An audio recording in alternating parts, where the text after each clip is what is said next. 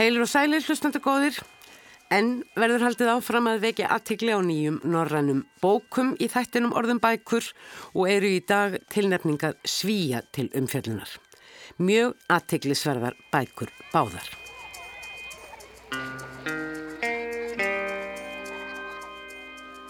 Í síðara hluta þáttar kynir Halla Þórlaug Óskarstóttir okkur fyrir afar sérstæðri ljóðabók sem heitir Nonsens prinsessans dagbúk en hrugskrýfning eða dagbók bullprinsessunar veikindarleifi.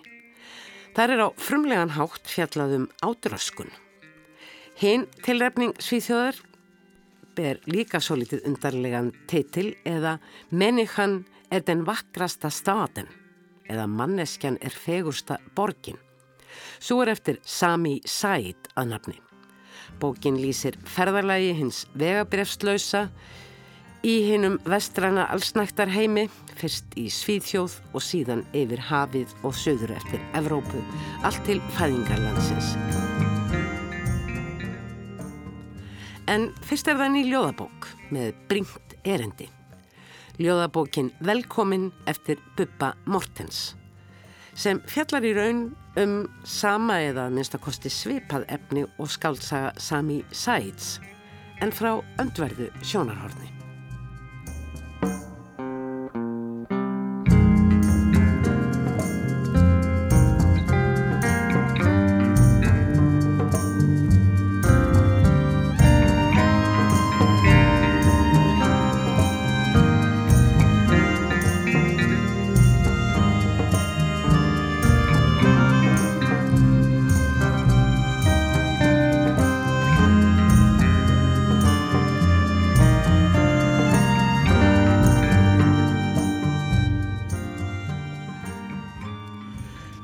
Mortens, rockari, popstjarnar, punkari og stangveðimaður með meiru, hefur sendt frá sér sína fjörðu ljóðabók, hvorki meirann í minna. Það kom aðdándum Bubba kannski svo litið í opna skjöldu þegar hann fyrir fjórum árum sendi frá sér sína fyrstu ljóðabók, Öskraðu gat á myrkrið, en kannski þurfti ljóðabók frá Bubba Mortens svo sem ekkert að koma á óvart. Því Bubbi hefur jú í tónlistinni alltaf lagt mikla áherslu á textana við ljósinn. Og þeir, þessir textar eru ljóð sem stór hluti þjóðarinnar hefur ósjálfrætt lært utan bókar og geymir í hjarta sér. Öskraðu Gata myrkrið er personlega ljóðabók þar sem dregnar eru uppheldur nöturlegar myndir af lífi í vímu, lífi í myrkri og öskrinu sem megnar að gera gat svo innstreymi ljós. Tveimur árum síðar kom svo ljóðabalkurinn Hreistur um sjáarþorpin, verbúðunar, fiskin og fiskverkunina, fristihúsin, þrældómin, djammið og djúsið. Hreistur er ekki síður personuleg ljóðabók en öskraðu gat á myrkrið og báðar eru sögulegar. Það er að í þeim eru sagðar sögur af því sem var, er orðið að sögu, um leið og þær tala beintin í samtíman með greiningu á því sem gerðist og áhrifum þess. Það sama má segja um þriðiljóðabók Bubba Róf þar sem hann hverfur aftur til bernsku sinnar og lýsir sálrænum afleðingum misnátkunnar. Kanski hefðu þessar bækur átt að koma út í öfri röð. Róf fyrst, en einhver staðar verður að byrja. Þetta eru flottar bækur hjá Bubba og nokkuð floknar þegar grantir að gáð, ljóðin yfirleitt á nokkrum plönum, sem ræðast við, þau eru rík af vísunum í bókmyndasöguna, hvort heldur gríska goðafræði eða gengin skáld og jafnvel sprellífandi líka. Auk þess að vera æfinlega í samtali við hérið og núið. Og nú er komin út ný ljóðabók eftir Böpa, velkomin heitir hún og er ekki persónuleg eins og fyrir bækurnar. Þannig að ljóðin í bókinni sem eru mörg, Nokkrir númeraðir bálkar vittna um uppnám ljóðmælanda, neykslan og reyði. Yfir þeirri framkomu sem flóttafólki er sínt hér á landi, engum af stjórnveldum, en líka af þeim sem við gerðan kallum venjulegt fólk. Sæl, Böbbi, og til hamingu með nýju bókina. Ertu alltaf það. að yrkja? Já, já, já, já. Ég vaknaði kortir í fimm núna í morgun, í morgun og, og hérna skrifaði til klukkan 20 minútur í sjö og, og, og, og þá fór ég bara í, í þú veist í, í rættin og allt þetta. En, en öllu jöfnu sko þá hefði ég, hefði ég ekki verið átt erindi hér í, í bænum. Þá hefði ég snúið sko heim á leið eftir rættina þá eru börnin komin í skólan og konan farin í vinnuna. Þá hefði ég skrifað til fjúr. Mm. Og þetta ger ég bara síðu daga vikunar Já, Já. Og ertu búin að gera þetta í rauninni öll árin eftir að þú fórst að skrifa ljóð eða hafður þið í rauninni alltaf, var alltaf einhver staðar ljóðskáld sem þú varst jafnvel að sinna? Já, já, já, það má segja það. Þessi til dæmis, þessi bók sko, hún var, hún var komin sko, já, það má segja hún hafi verið komin undan öllum hinnum. Ég er búin að vera einn fimm ár mm. að vinna þessa bók og, og hún var eh, eins og gerist í gengur, þetta var allt öðri vísi og miklu miklu stærra um sig og allt það og svo eftir að, að, að, að ég fór að vinna hana betur og, og fólk kom að og lasi yfir og annars sko, þá fór ég að tálka af og tálka af en það sem ég langaði að gera var að hafa Já, mér langaði að hafa óreið í þessari bók, mér langaði að hafa náttúrulega káíska vegna þess að það ekkert nefn fannst mér vera rýma við að vera uh, Landlaus? Já, landlaus og, og, og, og koma... Og uppflostnaður eitthvað sem er jú það sem að fólkið sem þú ert að fjalla um er. Já, það má segja það, þannig að, að en já, ég hef alltaf verið rosalega vinnusamur. Og, og, og einhver tíma var ég spurðaræði hvort þetta væri að því að ég var að reyna að forðast dauðan hérna, það hefur stundu verið sagt hérna- um skáldskapin já, já, já, beinlínis það tæki sem að fólk reyna að beita gegn en, döðunum en, en, en alls ekki sko, þó svo að, að, að þetta sé skemmtileg skemmtileg sko líking.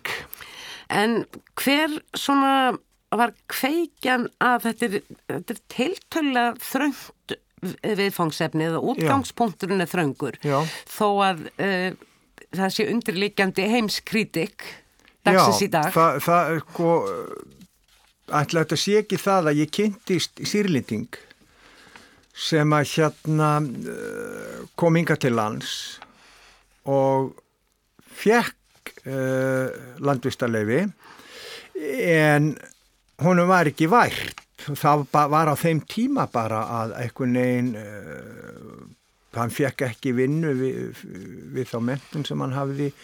Hann fór að vinna í, í veitingageirónum uh, þú veist, einhverjum lálaunastörfum og, og eitthvað svona og, og, og svo hafði hann uh, bardaga tækni hafði lært sem sagt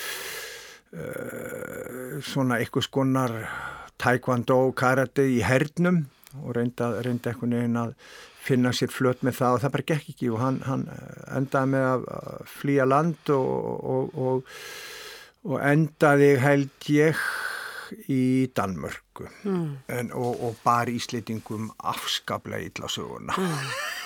Og svo ég, hef ég verið að fylgjast auðvitað með, þetta skiptir mig máli vegna mm. þess að, Bókin endur speklar mjög uh, sterkt þá umræðu sem er búin að vera í gangi um brottvísanir og nætturflög og allt já, þetta Já, já, já, svo, svo bara uh, Er, er, er ég að senda Silju og segja hvernig er þetta? Nei, býttu ekki að halda áfram og talga þetta niður og svo var, var Kalman, hann uh, rindist mér haugur í horni og Og, og hérna og svo voru alltaf að nýjar fréttir að koma og nýjar, nýjar hryllingssugur að meðferð okkar á bæði börnum og, mm. og, og flotta fólki þannig að ég beigð bara og sapnaði og sapnaði og sapnaði og leta þetta svona bara gerjast innra með mér. Og svo ákvað ég að þessum að reyna að klára þetta. En ég ætlaði ekkit að gefa þetta út. Það var eiginlega forlægið mitt sem að vildi gefa hana út núna mm. þannig að, að,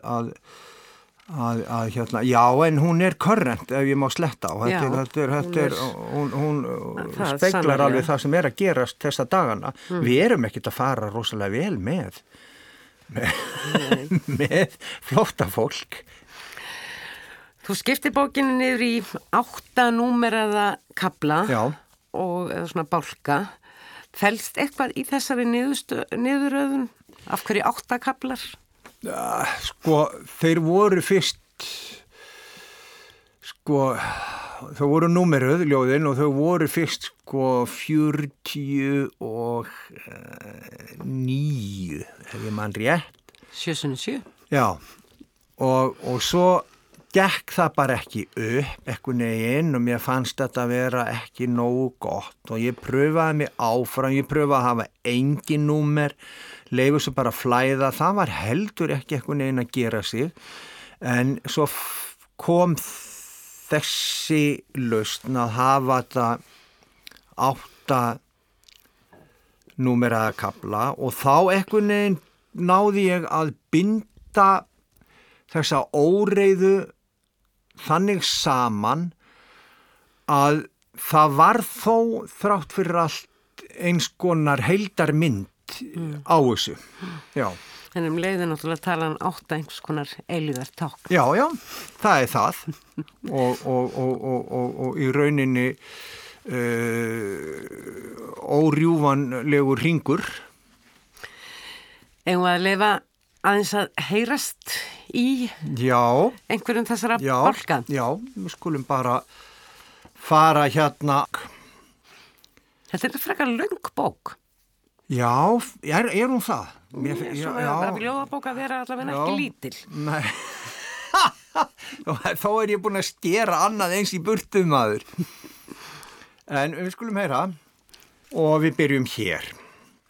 Hafvöxturinn heroinn hins vestræna heims, knýr hjörtu markasins, unst þau þagna dag einn. Þann dag munu þingvellir hætta að anda. Þingvellir, engalóð hrunsins þar sem fáninn fer í sleik við vindin og andadráttur segra gárar kampavinnið. Þar sem kliðmjúkt ljóð þjóðskáldsins blandast vatninu. Þar mun engin helvítist múslimi byggja sér sumabústað og míga á grillið. Guðir komu, guðir hafa farið, það molnar undan, tröstið er að hverfa, kindilberatnir lístu leiðina, lögðu allt undir. Í tímaleysi grjótsins livðu þeir, bóðuðu að handan við þjáninguna byði hamingjan. Hlustað einhver? Nei, aldrei. Rútínu þjáningin er örlög mannsins.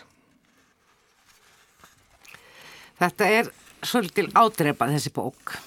Já. Þetta eru vissulega ljóð líka, mm -hmm. uh, svona það sem er líst svona utanfrá, einmitt það sem við höfum verið að lesa um og heyra í fréttum síðustu misserinn en þú ert svolítið að taka upp til bæna. Ég held að sé gríðarlega mikilvægt að hafa erindi og sérstaklega á þessum tímum sem við lifum núna þá held ég að það sé ekki klísja að listamenn eiga, þóra og stíga fram og hafa erindi.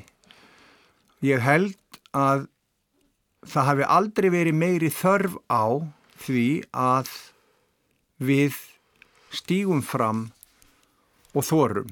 Því að eins og ástandið er nú þegar meiri sé að hérna heima þá er þetta ekki lengur sjálfsæður hlutur og fólk vegra sér við. Þannig að, að, að og þetta þekkjum við, við þekkjum þetta gegnum söguna sko og, og, og að þegar að þjóðfélagið hvar svo sem það er hverju sinni þegar ástandi er þannig að jætvi líðræðið högtir og, og alls konar trúðar í gerfi pólítikusa og annað stíga fram að þá skiptir svo miklu máli að eitthvað staðar séu rattir sem segja, heyru, nei, nei, nei, nei við, við, við erum ekki að samþykja þetta. Það falli lítil hending í upphafi bókarinnar, allra fremst. Þú veist, móður mín, ef tröllið kemur til að berja þig í nótt, þá mátt þú sofa í mínu rúmi. Já. Og höfundur þessa viðsnúnings á því sem venja er til, nefnilega móðurinn bjóði barni sínu Já. upp í þegar mm -hmm. tröll ógnaði, er Maram al-Masri. Já. Hver er það? Hún er skáld frá Sýrlandi og hefur orkt ljóðabalk sem heitir Berfætta sálir, Barefoot Souls og ég var svo heppin sko að, að hérna eitthvað staðar var ég að þvælast í Damörgum og fór inn í, inn í, inn í hérna uh, bókabúð og sá, sá hérna eftir hennar ljóð. Og ljóðin fjalla um ofbeldi gegn börnum og konum í stríðishrjáðum löndum. Hún býr í Fraklandi í dag og er, er mjög uh, þekkt, uh, myndi ég segja, sko, í, í, hinnum arabíska heimi. Og ég var alveg heitlaður og ég vitni hann annar staðar, sko, þar sem ég segi um, um, um að við skulum muna son, Sonju, sjö ára og, og sem sagt uh, þessi ljóðennar ég, ég hvet fólk getur fundið hann á netinu, ég hvet fólk til, a, til að finna hana og ég, mér finnst hún vera algjörlega merkjuð. Og hún er einhvern veginn rýma við mig, þetta er svona manneskja sem þorir og er með erindi og, mm. og, og stýgur fram og, og segir sko nei, ég ætla ekki að þeia já, ég hef rött ég vil hún heyrist og ég er með erindi og ég ætla að stíga fram með það. Mm. Mér finnst þetta svo mikilvægt. Og, en kannski er ég líka bara, þú veist, í, í, í, í rótina er ég bara gamall allaballi og, og hippi og vegna þess að, að þetta er ekki það sem við erum að heyra öllu jöfnu í dag. Að, að fólk, unga fólkið Það er þó unga fólki á Östuvelli en í, en í, en í tónlistaheiminum og, og, og, og annar staðar finnst mér vanta, finnst mér vanta kreftan nefa og kjark. Mm. Uh, bókinni líkur á einhvers konar eftirmála sem er ekki hluti af þessum uh, átta bálkum Já. heldur með yfirskrift. Já, uh, einmitt. Landið flokkar ekki fólk einmitt og þetta er eins og einhvers konar hvað ég að segja afsökunarbeðni frá okkar hendi Já. eða þinni hendi Já. eitthvað til að fyrirbyggja að því sé rugglað saman landi og tungu annars vegar og okkur manninskunum Já. sem því að landið og tungan eiga sér sjálfstætt líf Algjörlega. en við manninskuna getum hins vegar skoðað hug okkar og breytt framkom okkar Er þetta svona rétt? Þetta er nákvæmlega bara þannig. Mm. Þetta er bara vel gert, þetta er bara svo liðis. Því að, að sko, og þess vegna, til dæmis ég, ég sæki gríðarlega mikið í náttúruna. Og, og vegna þess að hún hérna, hún dæmir ekki, hún tekur enga ástöðu, henni er sennilega alveg skýtsam um þig. en, en, en hún, hún umberði svo lengi sem þú ætti ekki að pankast á henni sko. mm. og við erum nú aldrei að súpa segja því þessa dagana Akkurat Hérna, mér langar einlega lokum að byrja um að lesa eitt hvert þeirra ljóða þar sem að svona sjálft, hvað ég segja já, annað megi viðfangsefnið sem, eða kveikjan að þessum ljóðum er. Kannski bara uppa við Já, það er líka fallegt ha, sko. Já, já. að því það er svona þetta, þetta, þetta fólk sem við erum að horfa á og, og lítum síðan samt undan og snúum í það bakinu. Já, þá skulum við sjá þá les ég bara hinga, gekk með einn semugöngin fjóralínu bæn já. já. Þetta er númerað, bálkur 1 á blaðsíði 5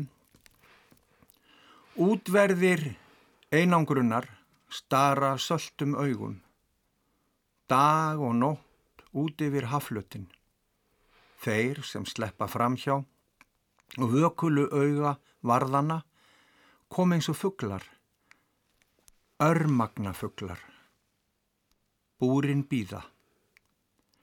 Grafir í hjörtum, hvar sem dauðin tálkar krossa, Sannarlega fóru þau yfir Allandshafið óklófið, börn með fölan mána í augna stað. Leiðin hingað, lá í gegnum kúlugatt á höfuð kúpu nágrannans. Svart vor settist um borgina með hvítkalda sól í hendi, gekk með þeim svipugöngin fjögra línu bæn. Bubi Mortens með erendi. Takk að þið fyrir. Takk fyrir að hafa mig.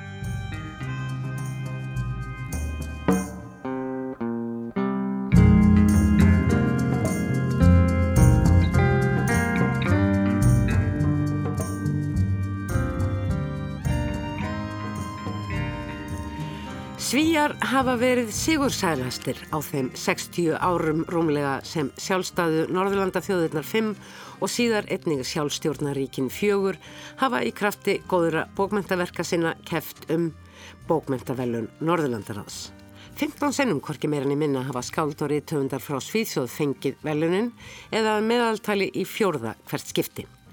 Svíjar hafa og oft verið frumlegir í vali sínu á tilnemdum verkum en inn á milli líka veðjað á nokkuð öruga hesta eins og ljóðskáldin Jöran Sonnevi og Nobelsveluna hafan Tómas Tranströmer sem fengu bókmyndavelu Norðurlandarás á sínum tíma.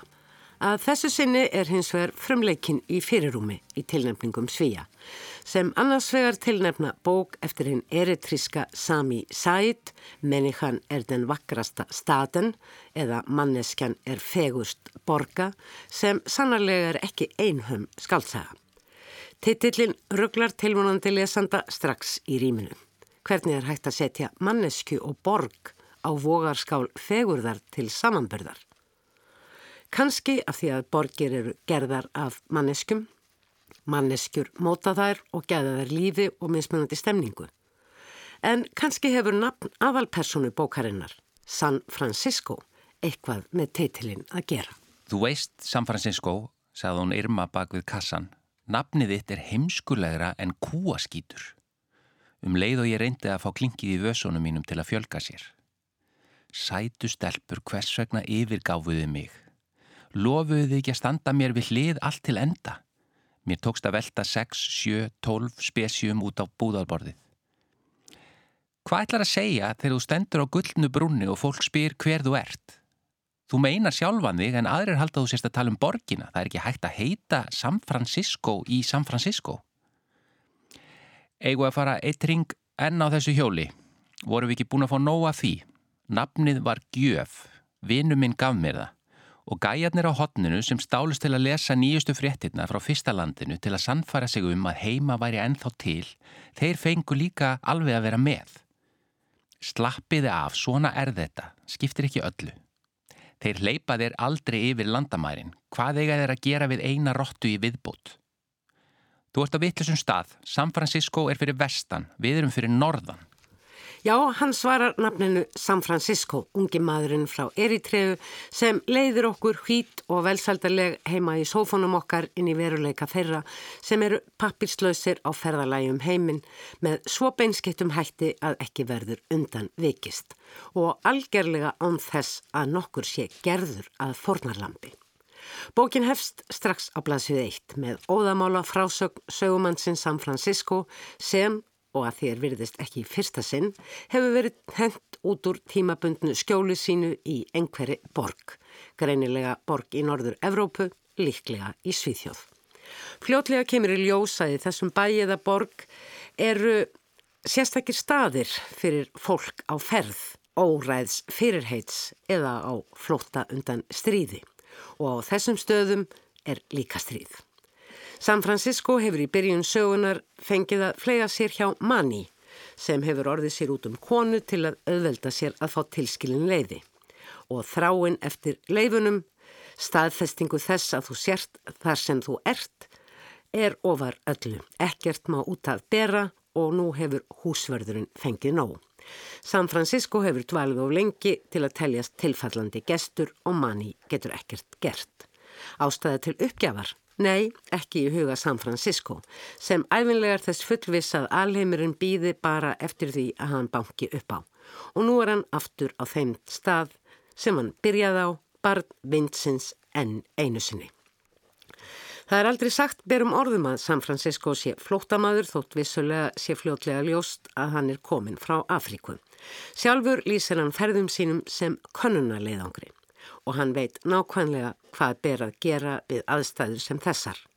Stattur á göttunni án fjölskyldu og skýt blankur. Ringja í vini og kunningja, byggjum húsaskjál, lán innhemta skuld. Síðan er best að skunda í Western Union og aðtuga hvort ekki eitthvað hafi borist. Það er margtum mannin í sal peninga millifæslu fyrirtækisins, já eða bankans Western Union. Það er ægir saman allra þjóða kveikindum í þeim erindagjörðum að senda frá sér hluta af því litla sem boriður úr bítum eða fá eitthvað einhverstaðar frá. Og það sést greinilega hverjir er í hvoru liði. Það eru tekið númer og beðið og fyrir þann sem er í eilifum konunlega leiðangri er þetta tækifæri til að gera úttækt, hlusta á sögur. Alltaf að veðja á bestu vinningsmöguleikana. Ef þú vinnur, vinnuru. Það er við því að búast.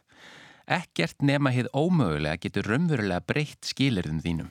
Segir til að mynda glæsigósi nokkur frá Brazzaville sem mun vera höfuborg Kongo. Hann sendir alla peninga sem hann vinnur sér inn heim til konu og barna og greiður líka fyrir umhyrðu grafa foreldra sinna því hann er góður sónur. Í Svíþjóð býr hann í einu herbergi á samt fimm öðrum kartmannum, borðar lítið og kaupir glæsi född sín á nýttjamörkuðum. Eina vonin eru hestaveðriðar. Sapör er hann kallaður frá Afríku eins og segir í sænska tekstanum og þýðingin er glæsikósi. En í sínum marglitu merkjafötum hefur hann áhyggjur af því að hann haldi ekki vinnunni. Hætti að geta sendt peninga heim og að enginn muni sakna hans þar. Heldur finna sér aðra uppsprettu fjár. Konan nýjan mann og börnin þar með nýjan föður. Western Union er svo sannarlega tilfinningatorg sem gæti eins og eitt gaggrinandin orðaða verið sögus við mikillar skáltsögu. Hér fara hinn eiginlega heimsviðskipti fram við miklar filosófiskar bollaleikningar um misskiptingu auðs í heiminum. Maður finnur það innra með sér að sá hlutur er ekki til sem maður nokkru sinni hefði geta kallað sinn eigin, sem er keiftur af manni sjálfum fyrir laun sem maður hefur sjálfur unnið fyrir. Alltaf einhverjur aðrir sem komu upp á milli. Það er hlutlæg staðarind. En svo hugsa maður, jörðin, á ég hana eða þú og vindurinn er hann frjáls. Til að orða þetta með einföldum hætti, sá sem á ekki neitt, á rétt á öllu.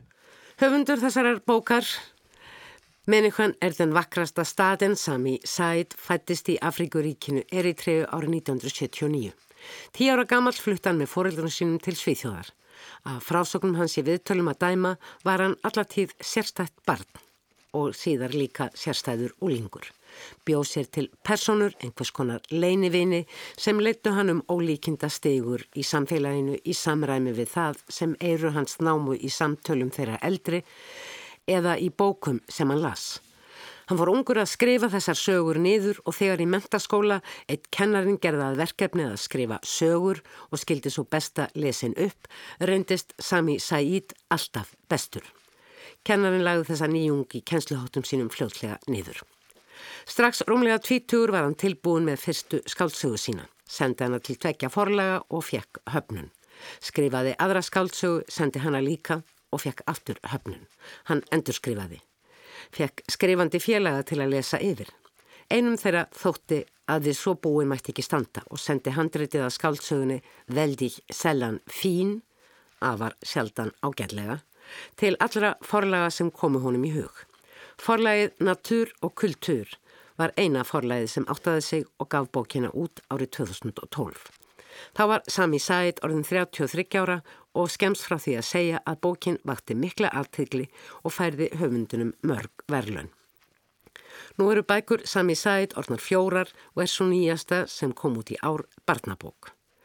Það var ekki síst frásagnastýl Sami Said sem vakti aftegli og aðdáðun og það kemur ekki á óvart en markam á bókina sem nú er tilnemd.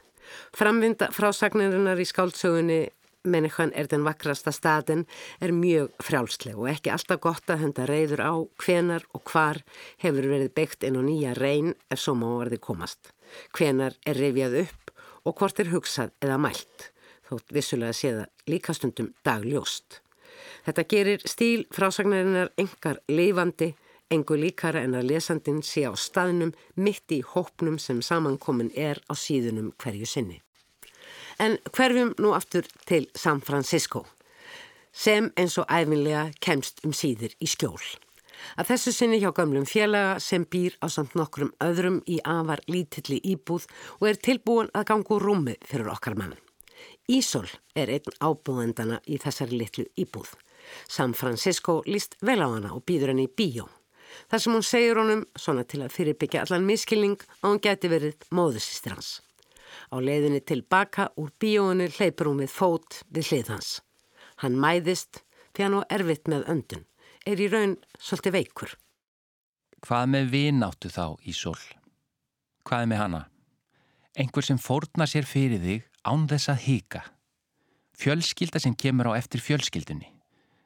Skorar það ekki herra? Hún horfi skeftísk á mig. Líklega að því hún hafi aldrei átt mömmu sem elskaði hana. Árið áður en ég varð heldtekinn af veiklununni ferðumst við mamma um. Ég var hættur að geta talið öll þau skipti sem sagt var pakka saman við förum. Rútan ákvað hvert skildi haldið. Stæði á henni kartúm, þá var það kartúm. Eða við köstuðum upp á í hvaða áttu færum. Já, þetta var út af því að við vorum rekinað heiman en líka út af æfintýra þrá. Mamma sagði að á undan afa hefðum við fjölskyldan verið sjómenn og silt frá höpp til hafnar. Við vorum með að skoða sig um í blóðinu. Á leiðinni fengu við inni hjá mönnum sem hún þekkti. Þeir kynntu sig sem frænda og ég hegðaði mér við þá eins og frændur. Ég spurði einskis. Hún gerði það sem hún gatt til að við livðum af og ég gerði mitt. Við stoppuðum yfirleitt bara við í nokkrar vikur. Hefur þau heyrt um píramítana, gatt hún sagt, og við vorum komin af stað. Þetta var ekki auðvelt Oft þurftu við að ganga og oft höfðu við ekkert að borða, en við vorum saman. Við tókumst á við þetta saman. Fólk talar um ást eins og hún sé drastl og dót. Það veit ekki neitt. Ísól sagði, ég hef líka búið í Kæró, svar hennar við opnun hjarta míns. Er það? Hvað gerir þau þar? Trömpuðum við sömu leiðinniður í gamla bæin? Fór sama óloftið ofan í okkur? Bindur það okkur saman? Hún flýtti sér fram úr mér aftur og ég þurfti að hlaupa til að ná henni. Byrjaði að mæðast en ekki stjórnlust. Fleiri skoðanir. Hún slók talnakóðan á takkana með offorsi, takkarnir vildi ekki hlýða, það þurfti að hafa fyrir því að fá þá til að virka. Ég var enn með fullta spurningum og lítill tími. Áttu krakka einhver staðar, Ísól, með nef eins og þú og hendur eins og þínar. Ég vona þú hefur ekki yfirgefið hann eða hanna, því sumt er ekki hægt að fyrirgefa. Þú skilur ekki eftir og gleymir. Skammastu þín fyrir það sem þú gerðir. Er það þess vegna sem þú segir svona lítið? Í liftunni snýr hún sér að mér. Hún horfi á mig. Augun í henni sögðu, þú stendur of nálagt. Ég bakkaði, en það var ekki hægt að fara neitt. Hún sagði, þú ert með hausin upp í skíunum. Allt vond í heiminum byrjar með ást. Þarna byrjar þó eitthvað gott á milli Ísól og San Francisco. Reyndar aðeins um tíma en er á meðan er sem gætu verið einhvernar orð þessarar bókar. Manneskjan er fegursta borgin sem er mikið veitundarflæði.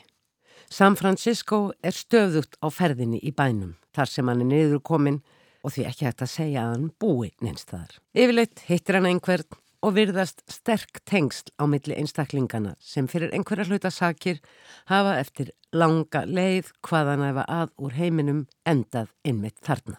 Allir eiga höngup í bakið og öllum og skulda eða hafa lánað, samstæðan er mikil og vináttan djúb. Vissulega fær San Francisco líka stundum neitun, fær ekki að gista og rávar um svepplaus alla nóttina þar til hann hallar sér á bekk. En það er sama á hverju gengur Hann er alltaf tilbúin í nýjan dag. Nýja könnun á umhverfinu eða könnunarleiðangur á alveg nýjar slóðir. Hann er sannlega með að skoða sig um í blóðinu. Á endanum tekst San Francisco að komast yfir brúna sem er svo vandlega gætt af hinnum enkennisklættu. En fólk í stöðu San Francisco er fljótt að læra að forðast innmitt þá. Vantanlega er hér um Eirasundsbrúna að ræða. Eða einhverja brú sem að liggur yfir á meginland velmegunar álfunar sem nú blasir við San Francisco og ferðalægið heldur áfram. Margir hjálpsamir verða á vegans en einni hópar þeirra sem telja sig yfir hann og hans líka hafna. Á eigun okkur í kjenstan í skjól hjá Madame sem svo er kölluð. Ekki manns sem augljóslega hefur, eins og svo ótalmarkir aðrir, reist velmjögun sína á kúun fólks eins og San Francisco og forfæra. Madame reynir eftir megni að bæta fyrir og þar hittir San Francisco líka sinn gamla vinn og félaga Jei sem lesendur hafa fyrr í bókinni fengið að kynnast í gegnum minningar San Francisco og af sögum sem hann segir öðrum. Því eins og ljóst má vera fjallar þessi bók Menikan er den vakrasta staden eftir Sami Said, einnig um vináttuna.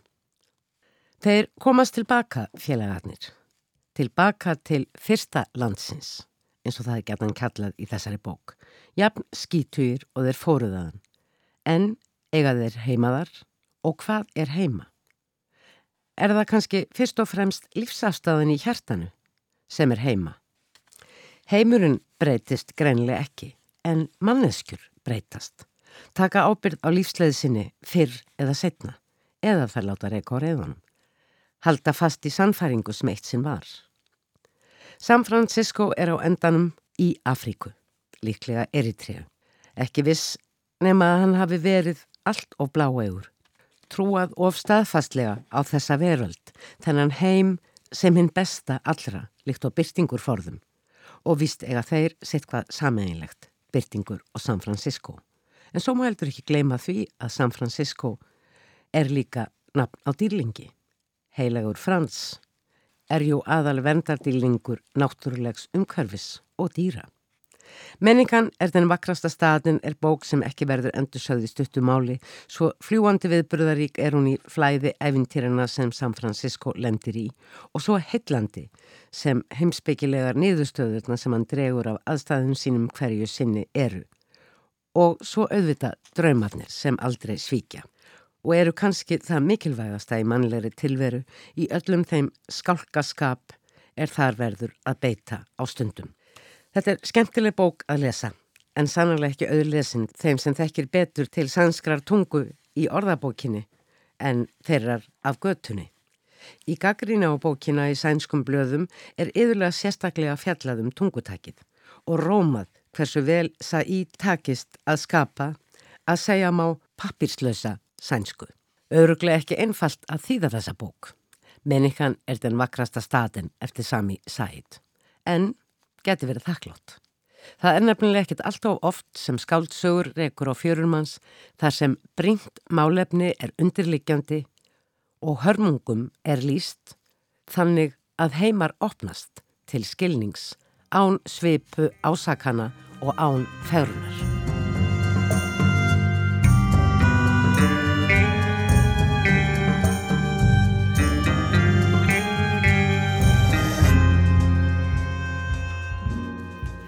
Hinn bókin sem svíjar tilnefna er ekki síður en bók Sami Saíds afar sérstað og áhrifamikil eins og Halla Þorleg Óstrafstóttir segir okkur hér á eftir.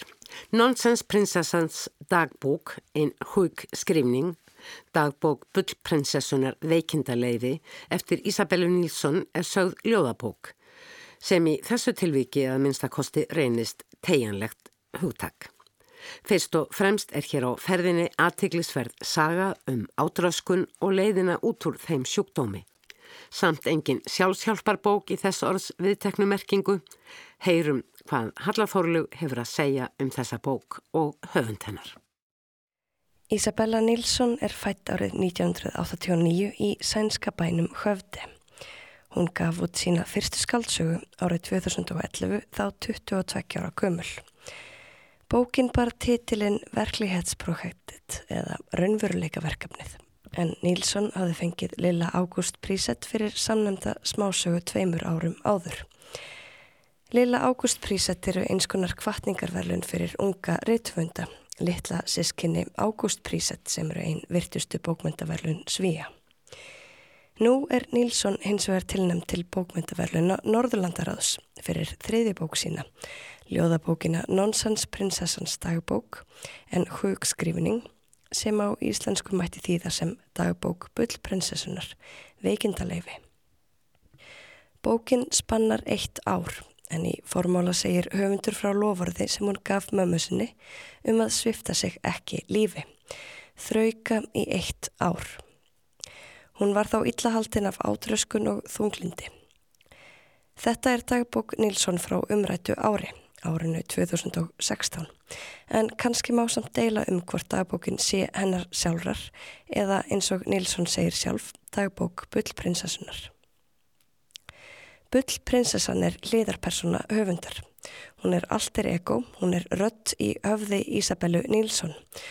Hún er einhvers konar bjargvættur en hún er líka tortímandi. Hún er sjúkdómurinn personugerður en hún er líka samferðakona í baróttunni. Hún hjálpar Nílsson að komast í gegnum raunir hverstagsins með nýjum sjónarhornum, kaltæðinni og leikjum. Bókin er flokkuð sem ljóðabók. Hugsanlega eru ljóðabækur óræðasti flokkur bókmynda okkar tíma. Það er ekki hægt að ganga að forminu vísu. Í þessu tilfelli væri hægt að tala um 365 örljóð og 12 lengri prósa. Bókinni er skipt í formála og 12 kabla eftir mánuðinum. Í byrjun hvers kabla skrifar Nílsson sjálf nokkur orð áður en bullprinsessan tekur yfir. Eingangsorðin eru skrifið eftir á. Þau eru hugleðing höfundarins um tímabilið sem kaplinn fjallar um eða fjallar alls ekki um. Dagbókarfærslur bullprinsessunar eru langsóttar þreyfingar um raunveruleikan. Færslunar eru stuttar og smám saman fer lesandin að velta fyrir sér öllu sem ekki er sagt. Hvað gengur raunverulega á? Ímyndunar af lesandans fær rými og nóg af því. Bullprinsessan er heitlandi, sniðug, snjöll og skörp. Hún slær fólk út af læginu með neittnum tilsförum og stundum fínlegum dónaskap. Hún minnir kannski svoleitið á tröll sem við þekkjum úr þjóðsögum, dverg eða skessu sem rýmar á stríðir, blekkir og hrellir með brellum og gátum. Engin er jæm sjármennandi og bullprinsessan, segir Nílsson á einum stað. Hún rýfur fólk með sér með stælum og leikaraskap. Á sjúkrahúsinu þegar Nílsson krafðist þess að fá sigurdrykkin sinn í koktelglasi með reglíf og klökum, þá var það bullprinsessan sem talaði og starfsfólkið flissaði og letaði eftir henni. Þetta var leikur, þau voru til í þetta, glens og gleði. Mótvægi við þungan raunveruleikan á geðildinni. 14. ágúst, ég. Svona getur þetta ekki haldið áfram. Áframhaldið. Heldur áfram að halda áfram. Ein hugsun á dag, hugdetta, ímyndun, ævintýraleg, surrealísk, írónísk, oft skopleg og fyndin, orðaleikir og kaltæðinni, umsnúningur á þekktum barnavísum og tilvísanir í ævintýri. Það sem er mjúkt, loðið, bleikt og glitrar á upp á pallborðið hjá bullprinsessunni. Það skiptir málið að varðveita barnið í sjálfur sér, stendur á einum stað. Loka það inni, sleppa því aldrei út. Bullprinsessan talar af léttúð um það sem börn almennt ótast. Nornir, myrkrið, já og heim fullorðina. Pétur Pan kemur við sögum, prinsessur og durtar, prinsar og álög. Heimurinn er förðulegur, æfintýri líkastur. 3. ágúst. Leigusalinn neytar að setja upp nýjan narníuskáp í svefnherberginu mínu. Býður ódýran útstillingar kassa í skadabætur. Bráðum nenni ég ekki meir. Æventýri geta verið ógnmænleg en eiga það sameigilegt að vera ekki alvöru. Og með stöðugum tilvísinum í þau grefur bullprinsessan kannski dálitið undan raunveruleikanum. En í tekstunum eru líka vísanir í heimsbókmyndir og raunvísindi. Í apríl gera til dæmis ímsar eðlisfræðikenningar vart við sig. Þar er fjallað um tíman, kvarfbúnta, fyririlda áhrifin og ólík kerfi. Höfundur veldur fyrir sér hvort sömu lögmál kildi um stúlknaherbergið og alheimin en við lítum á þau sem tvö kerfi. Í þessu samhengi varpar hún óvæntu og skörpu ljósi á uppeldi stúlkna og samfélagið í heilt. Heimsbyggi og tungumál eru líka til umfjöldunar. Wittgenstein segir að það sem tungumálið nær ekki utanum verði að þeia um, en bullprinsessan segir að það sem tungumálið nær ekki utanum verði að bulla um. 3. apríl Í upphafi var orðið. Síðan var vandræðileg þögn. Átröskun er alvarlegur geðsugtómur sem leggst einna þingst á unglingstúlkur. Eins og gildur um aðra geðsugtóma læknast fólk yfirleitt ekki af sjálfu sér, heldur þarf að grýpa inni og stýra bataferlinu styrkri hendi. Átröskun er hægt að halda niðri en hún áða til að vofa yfir eins og alkoholismi og þráhyggja. Úr formála februarmánaðar. Ég vil ekki að þjáning mín sé merkingarlaus. Ég vil að hún skipti máli. Ég vil að hún sé gáta sem hægt er að ráða, tákn til að tólka, allegorískur lestur. Ég vil að það séu einhverjir tólkunarmöguleikar og ég vil hafa forgang að tólkuninni. Þegar sálfræðingar, listamenn, fjölmiðlar og hugmyndafræðingar setja sjúkdóminn fram sem romantískan, goðsagnakjendan eða pólitískan verð ég hræðilega pyrruð. Ekki af því að það sem þau segja sér svo fjarr í lægi, Mart er virkilega áhugavert og setur þar að auki mig sem anoreksju sjúkling fram í fægruðu óverðskulduðu ljósi. Ég fæ að leika allt frá hlutverki harmrænu hetjunar og nöðstatrar meiu til dýrlings og feminísk samfélagsgagrínanda. Svoleiðis hlutverkabanki er ekki opinn hvaða geðsjúdómi sem er. Einlega ætti ég að vera þakklátt, en samt, ég verð pyrruð. Það væri auðveldra fyrir mig að læra af sjúdómsögum minni og kannski finna leið að hamingjuríkum endi ef ég fengi að segja hana sjálf. Að átröskunarsjúklingar romantíseri greiningu sína er ekki skortur á innsægi, það er heilt sjálfsbjargar mekanismi og nokkuð líkt Stokkólms heilkenninu.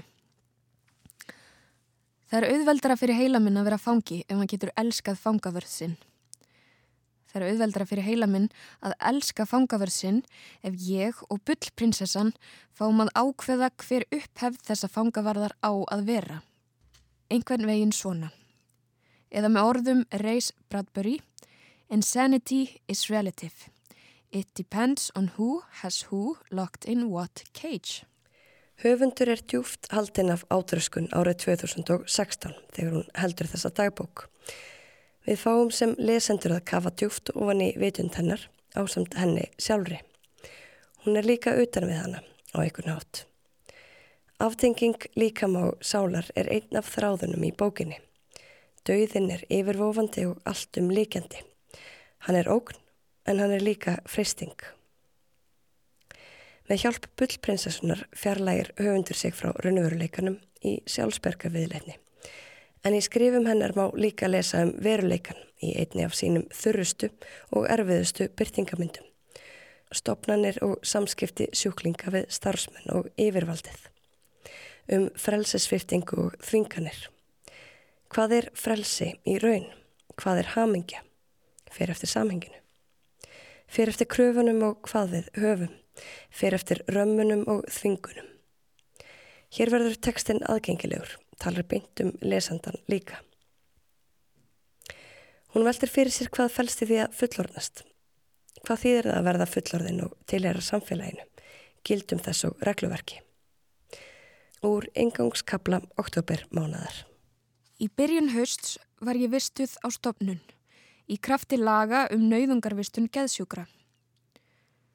Nauðungarvistunin var síðar lengt.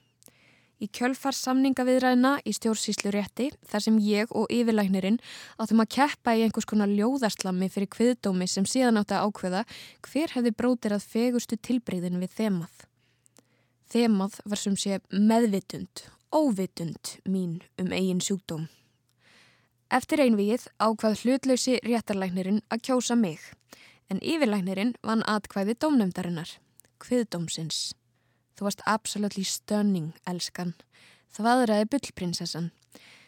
En þegar kemur að drotnunartæknilegum hæfileikum og góðri stjórn á hefðum greinana er enginn sem getur sett ofan í við yfirlæknin. Heyrður þau hvernig hún sagði, eins og í framhjálplaupi, að þú vefðir fólki um fingur þér? Svo djöfulli flott. Ég skalf, hjúfraði mig undir spítalateppinu og greitt. Það er eitt að gera sig ekki skiljanlega. Það er allt annað að missa í rétti réttin til að gera sig ekki skiljanlega. Nonsens prinsessans dagbúk en hugskrifning er óvenjuleg ljóðabók sem gefur einsýn inn í hugarheim einstaklings sem klýmir við geðsugdóm. Tilraun höfundarins til af romantíseringar og af brennimerkingar átröskunar er vel hefnuð að mínu mati. Sjúkdómurinn er aldrei tilefni til vorkunar, hann er aldrei tilefni til fyrirlitningar. Hann bara er þarna og krefst þess að á honum sé tekið. Lesandin fær að sökva sér ofan í írónýjur og umsnúninga á veruleikanum, kaltæðin raunveruleika flóta. Margar færslunar eru tilvísanir í sænska barnamenningu, vísur og hvæði sem gert er ráð fyrir að lesandinu þekki, sem útilokkar vissulega lesendur sem ólust ekki upp í svíþjóð eða hafa sterka tengingu við landið. Eins eru orðaleikir ábyrjandi og þetta tvent gerir það verkum að bókin er hugsanlega flókin í þýðingu. Bókin er óþægileg aflestrar en á sama tíma grípandi. Bestir þóttu mér ingangskaplarnir í hverju mánuði. Þar var manni kiftin í raunveruleikan og hann var ekki þægilegur. Frásögnin heldur manni heljargreipum líka eftir að lestrik líkur. Það er einhver óþægindi sem setja eftir. Við höfum fengið einsinn í annan heim frá nýju og sönnu sjónarhorni. Lesandin fyllist engri von. Í bókinni er engin friðþæging. Hún segir bara sannleikan eins og hann verður sagður frá nákvæmlega þessu sjónarhorni. Sjónarhorni átröskunar sjúklings og liðarpersonu hennar sem er bjargvættur og böðull í senn. Fleiri verða orðum bækur ekki að þessu sinni. Takk fyrir að hlusta. Verði sæl.